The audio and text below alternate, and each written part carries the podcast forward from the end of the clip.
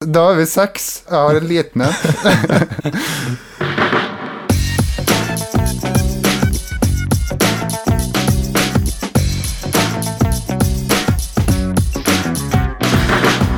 Du hører på Psykologlunsj, populærvitenskapelig lunsjprat med psykologene Tommy, Jonas og Jan Ole.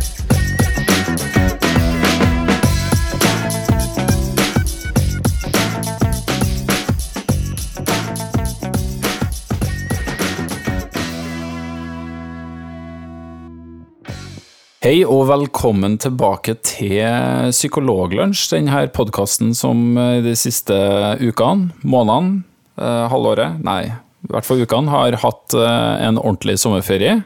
Ja, det er sånn det ofte blir. Når det blir ferietider, så tar det litt tid før vi kommer i gang igjen, men nå er vi i gang igjen og kommer til å ha svært infrekvente episoder gitt ut framover utover høsten.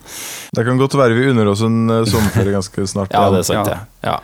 Det, Altså, det er jo sen, noe som heter sensommer, og det varer er langt ut i oktober, har jeg hørt. Ja. Så det, det er veldig Og da er det høstferie. Ja, Altså, det er så, ja. Eh, og sånn baller fort på seg. Eh, mitt navn er Tommy Mangerud, og eh, med meg har jeg som alltid Jonas Våg og Jan Ole Hesselberg, og vi er så innmari klar for opptak. Og det bobler over av eh, saker som vi har eh, gått og trippa gjennom hele sommeren for å ta opp med dere lyttere. ja. Ja. Det er ikke så langt unna sannheten, faktisk. Nei, Nei. det er sant. Det er ikke det, for jeg sleit litt den gangen her, så sleit jeg litt med å, å velge tema. Og det, da tenkte jeg på det faktum at da vi begynte med denne podkasten, så var jeg ganske bekymra for at vi skulle slippe opp for eh, ting å prate om eh, sånn passe raskt. Etter at vi hadde snakka om angst og depresjon, Ja. så begynner det å bli tynt i rekkene, tenkte jeg. Men, eh, men det har det jo ikke. Jeg har massevis av saker som jeg ikke har anledning til å ta, som står på ønskelista mi. Ja. Blant annet en sak om hvordan promp er bra for forholdet. ja. Og Ja, ja. hvordan kritisk tenkning er viktig. Og Det var litt sånn spennvidde i de Og- to temaene der. ja, veldig, veldig. Og, og også perfeksjonisme som en predikator for selvmord. Det er mange saker som Ja. har dukket opp, men ingen av de skal jeg snakke om. Og det er egentlig det samme til meg, Jan Ole. Altså, det er jo valgkamptid nå. Og det, nå hadde jeg egentlig lyst til å søke i litteraturen om det fantes noe forskning på evidensen bak sånn eh, ekspertkommentatorrolle. Sånn eh, terningkast rundt eh, formidlinga til forskjellige politikere. Ja. Om det er basert på altså til kommunikasjonsrådgivere, da, om det er basert på kunnskap som formidles i forkant, eller om det er sånn etter forklaringer, altså at man forklarer i etterkant at den og den kandidaten var god til å formidle det og det, og det, det er litt basert på hva publikum eh, i utgangspunktet har gitt, eh, sagt i meningsmålinger og sånne type ting. da. Så jeg var interessert i å se på om det fantes noe mye forskning på det. Jeg enda til gode å finne eh, noen gode artikler på det, så det vil jeg gjerne ha tips på. Det er artig å Nå snakke har vi om. bare nevnt masse spennende tema som vi ikke skal snakke om. Ja. Ja, det, det er sånn det er. Åssen er det med dere, da? Ellers, hvordan har sommeren vært? Har dere eh, fått uttelling for sommerferien? Jeg føler det. det er, jeg har nesten pådratt meg liggesår eh, i løpet av den eh, ferien, så det er jo et eh, tegn på at man har tatt det med ro, i hvert fall. Ja. Ja. Jo, jeg, er, eh, jeg har jo blitt rundplyndra i sommer. Ja, og det, jo, det har du. Ja. Jeg var på ferie i Danmark da, og fikk oppleve Danmark på sitt eh, altså, eh, Det var jo litt sånn Skandina altså, Hva heter det? Scandinavian noir, heter det. Sånn skandinaviske krimserier. Fikk opplevd det litt på kroppen. da. Kom hjem fra en tur på Baboon Land, som er tydeligvis sånn eh, Det er et sånt lekeland i, i, Så tydeligvis er det, Ja, det- Hvis du var der, så Ja, det var det. Var det. Det, var det. var utrolig bra. Det var artig for meg òg, fordi det var masse gamle spillmaskiner. Mens oh, ja. ungene drev og hoppa på trampoline, så satt jeg og spilte gamle sånn eh, punch-out, blant annet. Var, var i sånn eh, Ja, var i, i uh, Arkade. Oh, ja. Det var fancy, altså. Ja, kult. Ja. ja. Men uh, i hvert fall da når jeg kom hjem til feriehuset, så merka vi ingenting. Før at jeg skulle begynne å lage middag, og så skulle ungene eh, gå og hente iPaden sin og sette seg og holde på med litt spill og sånne ting. Og så var alt bort. Jammen. Så alt av teknologi og ting og tang, det var tatt. Ingenting av det som hørte huset, men alle tingene våre. ja. sånn av tekniske ting, da. Ja. Blant, Ja. blant annet så ble lagringskortet til denne mikrofonen stjålet, som gjorde at jeg måtte finne meg et erstatningskort som er på ganske få megabytes. Ja. Eh, som gjør at eh, opptaket vårt blir litt ekstra kort i dag, fordi jeg har ikke tid til å Jeg har faktisk ganske dårlig tid, ellers så går eh, kortet fullt. Eh, så derfor er det bra at vi prater litt ekstra om at det Ja, Ja, det er bra vi ikke er småprater om helt uvesentlige ting før vi setter i Ja, gang. ikke sant. Ja. Nei, men eh, vi skal ta det på alvor. Vi skal hoppe rett på første sak, vi. Fordi eh, det er jo spennende ting vi har å prate om i dag òg, da, vet du. Ehm, jeg tror vi starter med Jonas, jeg, rett og slett. Så vi er sikre på at vi har hørt ifra deg, i hvert fall. da. Eh, Ja. Du har nemlig tenkt å snakke om forskning som undersøker om hvorvidt det er noe fordel å være den minsten i søskenflokken, da, eller om det altså lønner seg å ha eldre søsken. Det er vi spent Ja. på. Ja, du, hvor er dere i søskenrekka? Altså, er dere eh, eldst, eller er dere eh, yngst, eller eh, hvor ligger dere dere? Det var det, da. Tommy og jeg, vi er, Ja. vi er først og sist, vi. Vi er begge deler, vi. Jeg var jo eldst. Altså, i ni år så var jeg enebarn, faktisk. Men så Altså, jeg er eldst fortsatt. Jeg var ikke eldst. Altså, det det dukka ikke opp noe i etterkant. Eh, eh, så fikk jeg søster, da, etter ni år. Så jeg òg ville vel ha blitt regna som eh, enebarn i denne studien. da. For denne studien tar for seg om hvorvidt det er, lønner seg, da, og altså, Man har sett på forskning fra tidligere at eh, barn som har eldre søsken, de har gjerne altså Man tenker at de har noen fortrinn når man kommer i førskolealder. Altså At de raskere tar til seg ulike sånn sosiale egenskaper. Kanskje er litt bedre på problemløsning, og så mer sosial utadvendt enn dem som eh, ikke har hatt den her eh, Altså mer spenningssøkende og kanskje da enn dem som ikke har e- et eldre søsken. Og eh, det her er jo litt blanda med sånne opplevelser foreldre har òg, når de beskriver eh, barna sine. Så er det gjerne sånn at den, den yngste, altså den som har et eldre søsken, var raskere enn den som var eldst. da. Mhm. Vet ikke om dere kjenner til det samme, at dere, dere har liksom bitt dere merke i det. Dere har jo barn, dere òg. Mm. Eh, jeg vet ikke om eh, det, det, er i hvert fall, eh, det er i hvert fall noe du hører fra flere foreldre òg, Ja. gjerne. Eh, det de ville undersøke i denne studien, da, som var i Journal of Cognition and Development, det var å, sjekke er det sånn at eh, eh, barn med eldre søsken er det sånn at deres evner til å tilegne seg sosiale egenskaper skjer det veldig skjer det tidlig. Så da ville de undersøke om er det en forskjell mellom dem som er eldre søsken, dem som er enebarn, og dem som har yngre søsken på noe som heter Theory of Mind, som vi har vært inne på tidligere. Mm. Og Theory of Mind, Da har vi snakka tidligere om eh, det som heter klinkekuleeksperimentet. Jeg vet ikke om vi skal forklare det på nytt igjen, men Theory of Mind Nei, men det holder, det, det holder vel å si at det, det handler om å det handler om danne seg et bilde av hva som foregår oppi hodene til andre, og at det ikke det som skjer i ditt hode, er det samme som skjer i hodene til andre. ja. Det er en god eh, oppsummering, egentlig. Eh, I det klassiske sånn klinkekuleeksperimentet så, så handla det om at barn så observerte en scene hvor to dokker eh, var i et rom. Den ene dokka hadde en klinkekule som den dokka la under en hatt. Og så gikk den dokka ut, og mens den dokka var ut, så tok den andre dokka den klinkekula under den hatten og flytta den over i en boks. Og da den andre, altså dokka som opprinnelig hadde klinkekula, la den under hatten, kom inn i rommet igjen, så ble barnet spurt om hvor tror du dokka som hadde klinkekula og la den under hatten opprinnelig, vil lete etter klinkekula nå? Og da har jo barnet sittet og sett på den videoen eller den scenen at eh, den andre dokka har lagt den i boksen. Så da var det at de observerte at eh, mange yngre barn hadde problemer med å se for seg hva den som kom inn ville ha tenkt i den situasjonen.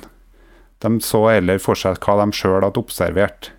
Så de eh, sleit med å liksom leve seg inn i andres, eh, andres livsverden, da, på et vis.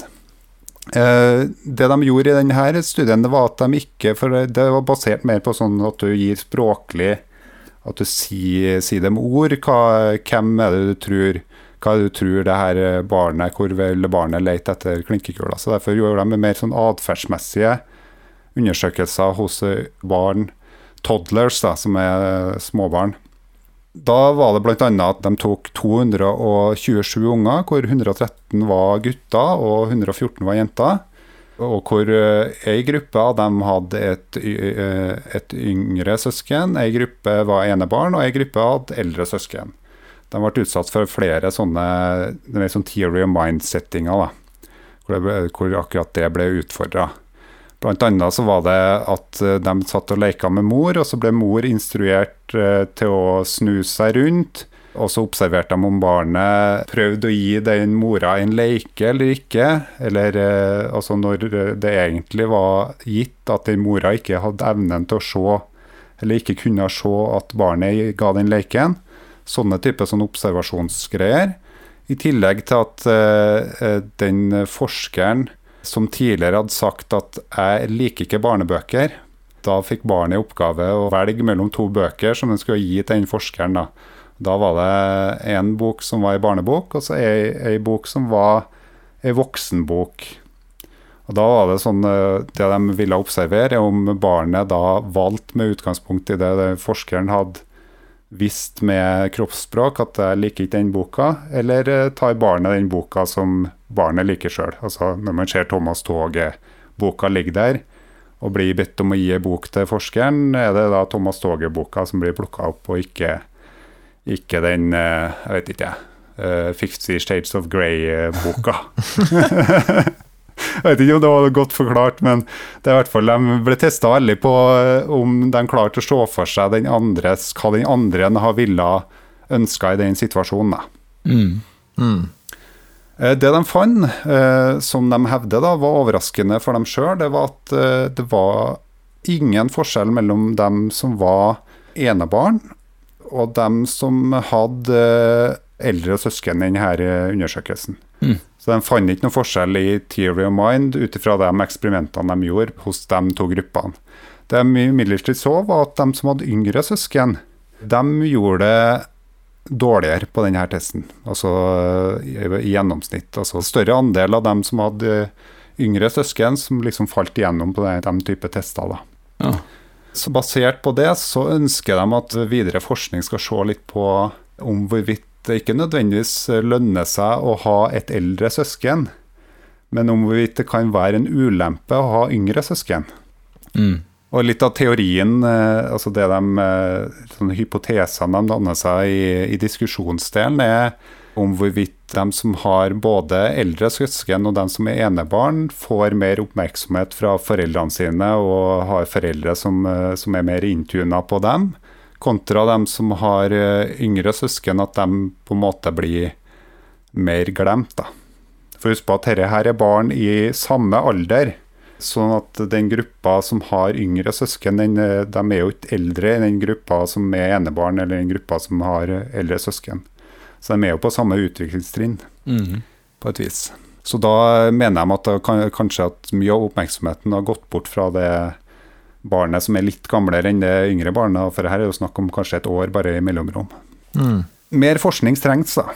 Er jo i hvert fall konklusjonen ut ifra. Men jeg tenkte at det kunne være ganske interessant likevel at når man snakker om at den ene Altså det yngre søskenet, da, så den yngre lille, altså den lillebroren eller lillesøstera var rask, så kan det også hende at eh, det tok litt lengre tid for det eldre søskenet å tillegge seg de egenskapene, fordi at eh, en del av oppmerksomheten gikk den andre i den perioden. Mm.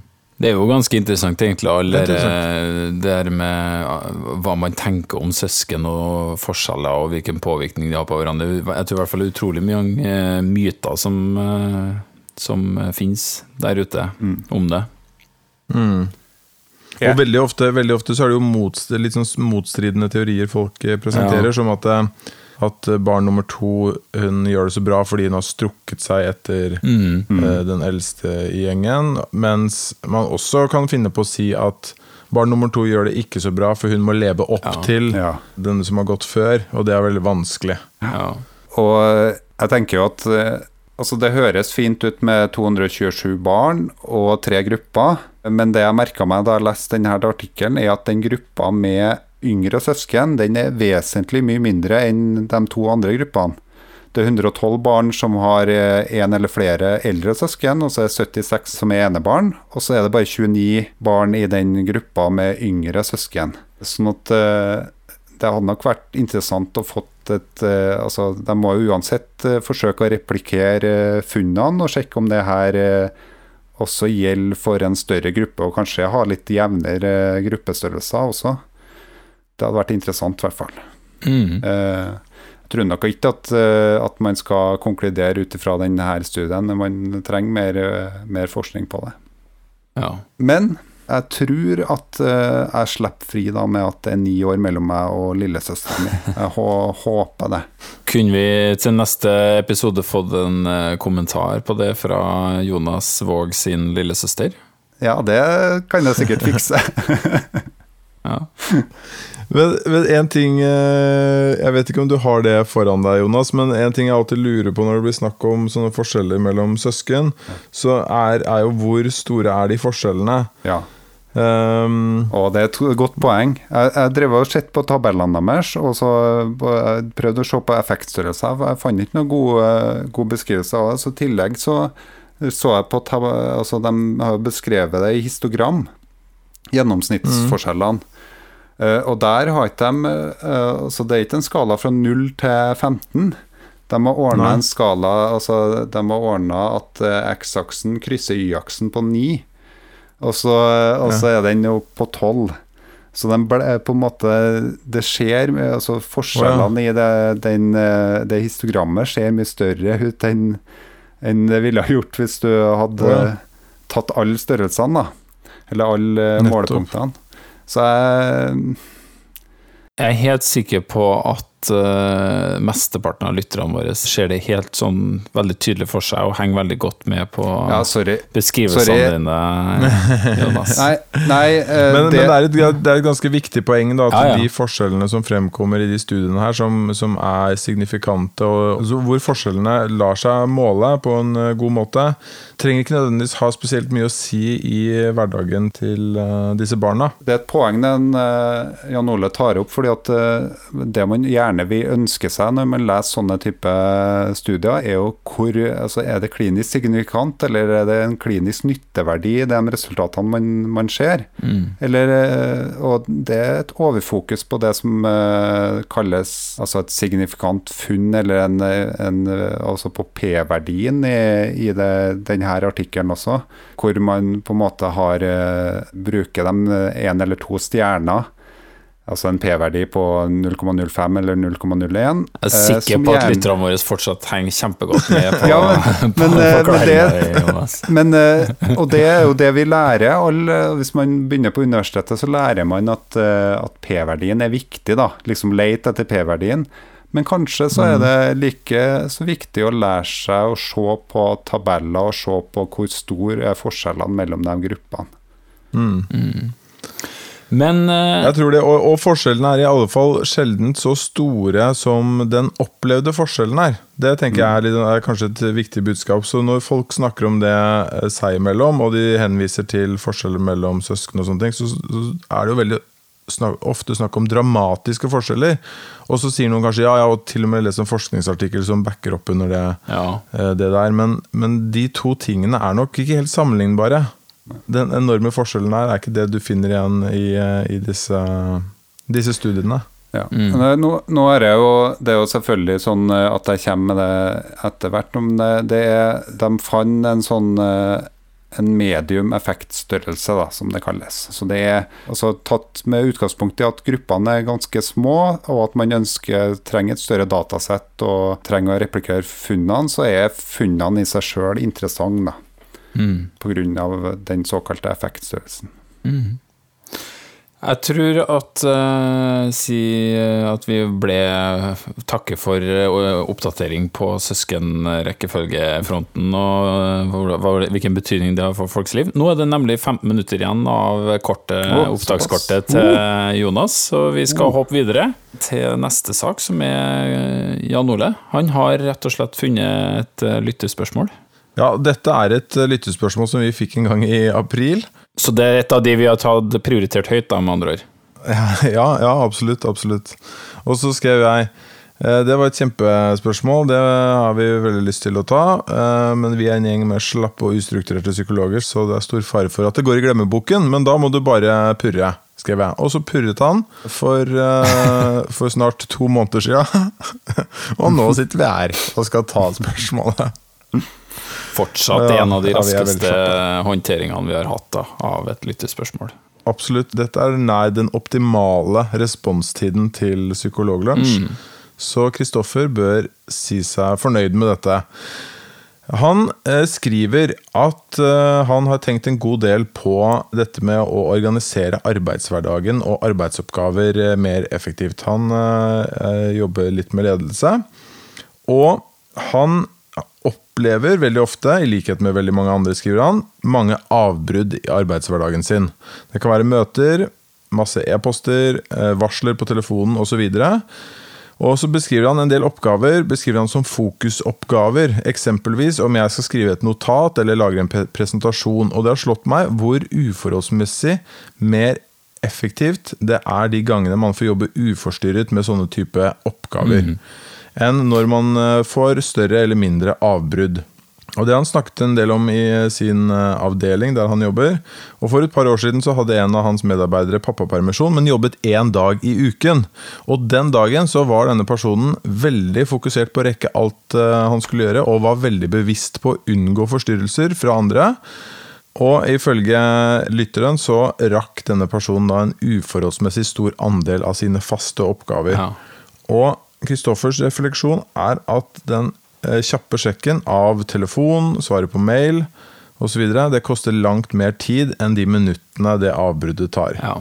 Mm. Så Han ikke, mener ikke at dette er noe spesielt banebrytende refleksjoner, men han syntes det hadde vært interessant å høre oss reflektere rundt eh, det temaet. Han henviser også til en representant fra Google som han hørte på et foredrag en gang, som eh, mente at vi sjekker mobiltelefonen vår ca. hvert uh, sjette minutt. Så jeg vil jo si at dette er jo helt ukjent for meg. Jeg har aldri opplevd de problemstillingene Kristoffer eh, skriver, og det, har vel antakeligvis ikke dere heller, mm, eh, tenker jeg. Har nok ikke det. Nei, det, men eh, jeg har gått til innkjøp av en såkalt smartklokke. Eh, og den hevder jeg den gir masse vibrasjoner, men den eh, Jeg unngår å sjekke mobilen. Jeg sjekker bare klokka i stedet. men ok, ja. bare for å, ta, for å gå et par skritt tilbake her. For det første så kan jo si at vitenskapen ikke overraskende støtter Kristoffers refleksjoner. Det er jo gjort en god del studier på hvordan vi håndterer det å eh, bytte mellom mm. Eh, flere forskjellige oppgaver, såkalt multitasking. Mm. Mm. Og det som alltid er funnet, det er at eh, det tar mer tid, vi blir mindre effektive. Og det er jo fordi at det byttet ikke bare tar bytte av oppmerksomhet tid, men det tar eller bytte av oppgave tar tid i seg selv å hoppe fra en oppgave til en annen, men, men, det tar også tid å innstille seg på den oppgaven man skal begynne på. Så du får både på en måte reisen fra den ene oppgaven til den andre, men så får, har du også en oppstartskostnad mm. på den nye oppgaven. Så det akkumulerer seg ganske, ganske fort, da. Ja. I tillegg så er jo dette en del av de tingene som tar tid fra oss, er jo ikke bare at vi hopper mellom forskjellige oppgaver, men noen ganger så hopper vi over til oppgaver som ikke har noe med eh, jobben vår å gjøre. Ja. Så hvis du skal sitte og lage husholdningsbudsjett hjemme, liksom, og så begynner du å lese på Dagbladet istedenfor, så er jo det Én ting er at du har brukt energi på å bytte oppgave, men du ender jo opp med en oppgave som du egentlig ikke skulle gjøre. Mm. Mm. Og det er, det, da er det jo eh, tidssvinnet ganske massivt, mm. vil, jeg, vil jeg tørre å påstå. Mm. Og så er jo spørsmålet eh, hvordan man skal håndtere det. Det er jo et uh, ganske stort spørsmål. Og da uh, Da kommer, da kommer Jonas inn med denne smartklokken sin. Og vi har jo alle kjøpt smartklokker, for vi er rimelig trigger-happy når det gjelder uh, å gå til anskaffelse av ny teknologi. Vi har jo Vi er tre stykker, og vi har, vi har to droner, f.eks. Tre. Jeg har drone, jeg Har- faktisk. Ja, ja. Har du også kjøpt drone? Ja, ja, men det, har jeg hatt lenge. Dere er jo Jeg har to. Dere, har du to? Ja, det har forresten jeg også. Så ok, da har vi fem droner, da. Jeg har okay, en men- jeg faktisk Da har vi seks. Jeg, jeg har en liten en. Vi har seks droner. Det var Poenget er godt, uh, godt gjort rede for. et sentralt, eh, sentralt poeng, men eh, det var bare for å understreke det faktum at vi går til anskaffelse og sånne ting. Og det problemet som Kristoffer skriver her, det eh, minner meg på at det var en, en atferdsøkonom kalt Dan Ariely, som vi har snakket om her tidligere også. Han gjør et nummer ut av det og sier at vi sliter med det i dag. At vi får meldinger, eh, og at ting tar oppmerksomheten vår. Ikke bare i form av at eh, det dukker opp notifications hele tiden og e-poster og sånne ting, men også det er mange flere som beveger seg inn på de arenaene. Så du, du, får, du får jo massevis av e-poster fra nyhetsbrev som du aldri hadde, hadde tenkt å signe opp på i det hele tatt, men du må vel likevel forholde deg til det. Og så dukker det opp notifications nye fra nye hele tiden. Og hans refleksjon er at tror du i framtiden at det kommer til å bli mindre av det, eller at det kommer til å bli mer av det. Eh, Og jeg tenker jo at det er ganske åpenbart at det kommer til å bli mer av det. Vi lever, stadig eh, større deler av livene våre på plattformer som har muligheten for å gi oss sånne varsler, og veldig mange av de tjenestene vi bruker, finansieres av eh, reklame, som gjør at eh, vi bare må forvente oss at vi eh, blir forstyrret. Det er, det, det er sånn mange av de tjenestene i det hele tatt eksisterer. Så da er spørsmålet hvordan håndtere det på en god måte. Ja. Hva Har dere noen tanker om det? Eh, La oss holde oss til arbeidshverdagen, da, Ja. bare for å ha det som et eksempel. Ja, men, men jeg tror Er er ikke det litt sånn eh, Litt forskjell på yrker her òg? Altså bare ikke eh, Nei, ingen for, det finnes ikke noen forskjell. Nei, for jeg, jeg ser for meg at du, du har hatt en endring fra, fra mer manuelle yrker til flere og flere innenfor eh, såkalte kunnskapsyrker. Da. Sånn, eh, så når folk, flere og flere personer jobber innenfor sånn eh, kunnskapsyrker, så er jo man kanskje mer sårbar av avbrytelser der, hvis man jobber med ting som krever en god del eh, sånn eh, tankemessig kapasitet, og hvor tilgjengeligheten til teknologi er ganske kort. Altså det, Teknologien har du rett foran deg. I hvert fall er inntrykket mitt altså da jeg jobba som truckfører. Da eh, Da var det enklere f.eks. å høre radio og få med seg masse andre ting samtidig som du gjennomførte et yrke som handla om andre, altså som krevde en annen type oppmerksomhet fra deg. Da. Eh, sånn at eh, kan det også være at eh, grunnen til at vi er mer sensitive for akkurat avbrytelser, handler også om at vi driver på med arbeid som er mye mer sensitiv for avbrytelser nå enn tidligere. Mm. Så det ikke bare handler om Det handler også om yrkets kvalitet, men det, og det handler om eh, teknologiutviklinga mm. samtidig. Jeg har jo inntrykk av at i de tilfellene jeg jobber på arbeidsplasser hvor man tar seg veldig mye pauser, altså sånn eh, hvor folk bare dropper innom og sier ja, nå er det laga vafler, og nå, eh, nå, nå lukter det kaffe, sant? Så var jo det òg avbrytelser tidligere. Eh, Men Ja. hvor hyppig er de avbrytelsene lenger, og har de type interaksjonene blitt mer sånn teknologi, teknologibasert, eller eksisterer de fortsatt? Altså, hvor mye har vi tatt med oss av det tidligere? Det, det lurer jeg på. Ja, tenker du, men, men tenker du at det er et skifte fra at det, egentlig så er vi utsatt for, for uh, sånn cirka lik mengde forstyrrelser, men vi har bare, Nei, det vi tror har bare dratt i en annen retning? Det tror ikke jeg, for det er altfor mye informasjon som dukker opp nå som du ikke hadde tilgang til tidligere. Og, så, og det var mye enklere med å holde på med enk, altså, å endre oppgaver, litt sånn som en iPad. Sant? At du holder på med én prosess av gangen. F.eks. hvis du skal lese aviser, så tok du fram papiravisa, så leste du den. Du fikk ikke opp en sånn notification om at papiravisa di har kommet med en ny nyhet, eller et eller annet sånt.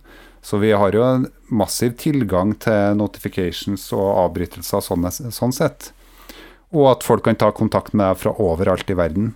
Og hvordan håndtere det, jeg tror vi må bare lære oss, og, og kanskje, kanskje blir det Jeg vet ikke om det blir innført etter hvert at sånne ting må være avslått mens du er på jobb. Mm.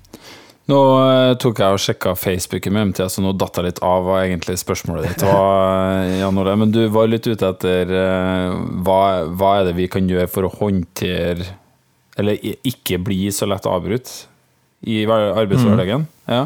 Jeg, jeg tror det eller For min del så tenker jeg at det antakeligvis har noe med eh, det, ting vi har snakka om tidligere, og ikke stole så forferdelig mye på ens egen ryggrad. Altså at man eh, tror at det å bare bestemme seg for å ikke bli avbrutt, er et godt poeng, eh, eller at det hjelper. Så hvis du, hvis du ønsker å jobbe effektivt, så bare, bare lag deg ytre strukturer som gjør at du ikke blir avbrutt.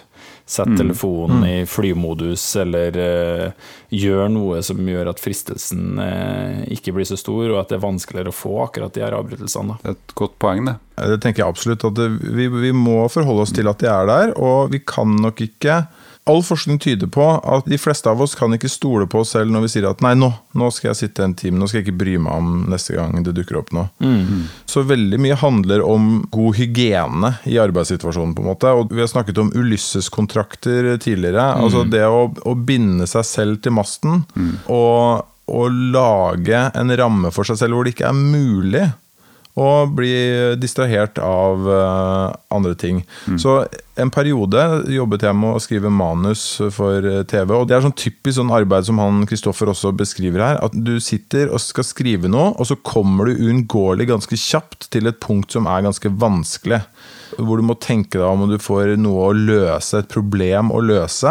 Og det kan være ganske krevende å sitte der, og det krever at du jobber deg gjennom det.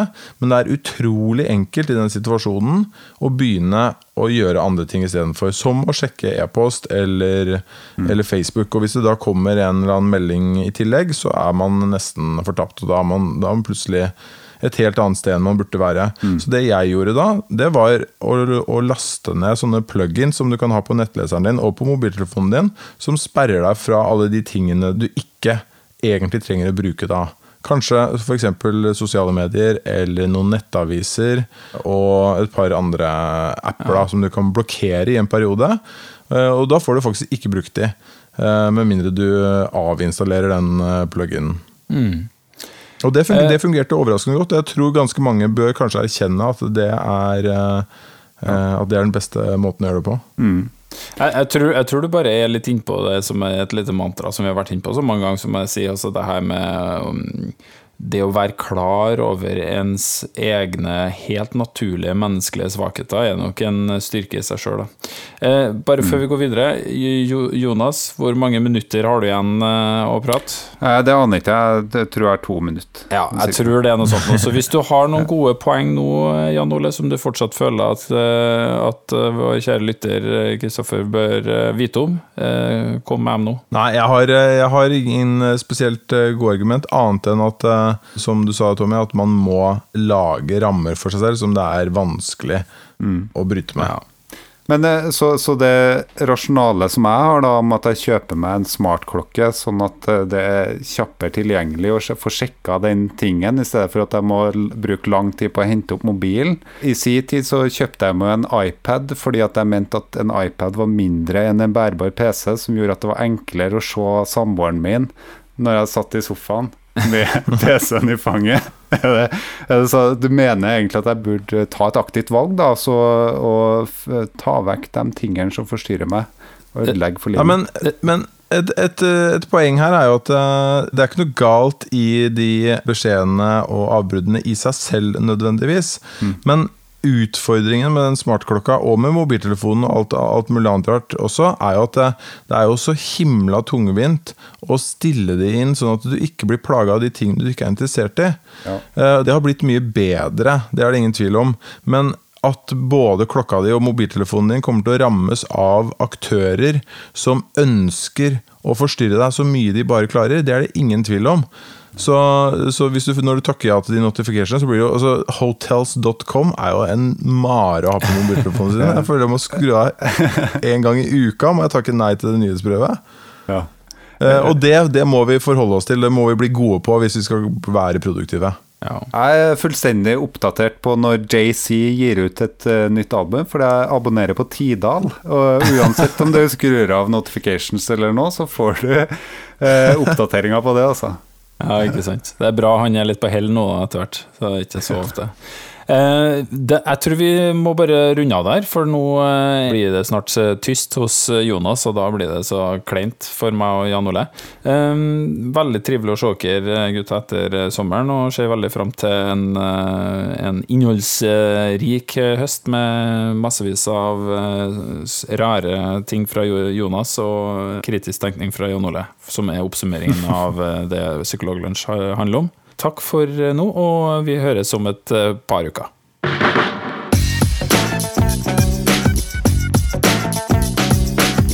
Du har nå lytta til Psykologlunsj. Har du noen spørsmål, kan du søke opp Psykologlunsj på Twitter, eller du kan sende en e-post til psykologlunsj alfakrøll.gmail.com. Mer informasjon om temaet du har hørt i dag, finner du på psykologibloggen.no og tankesmed.no.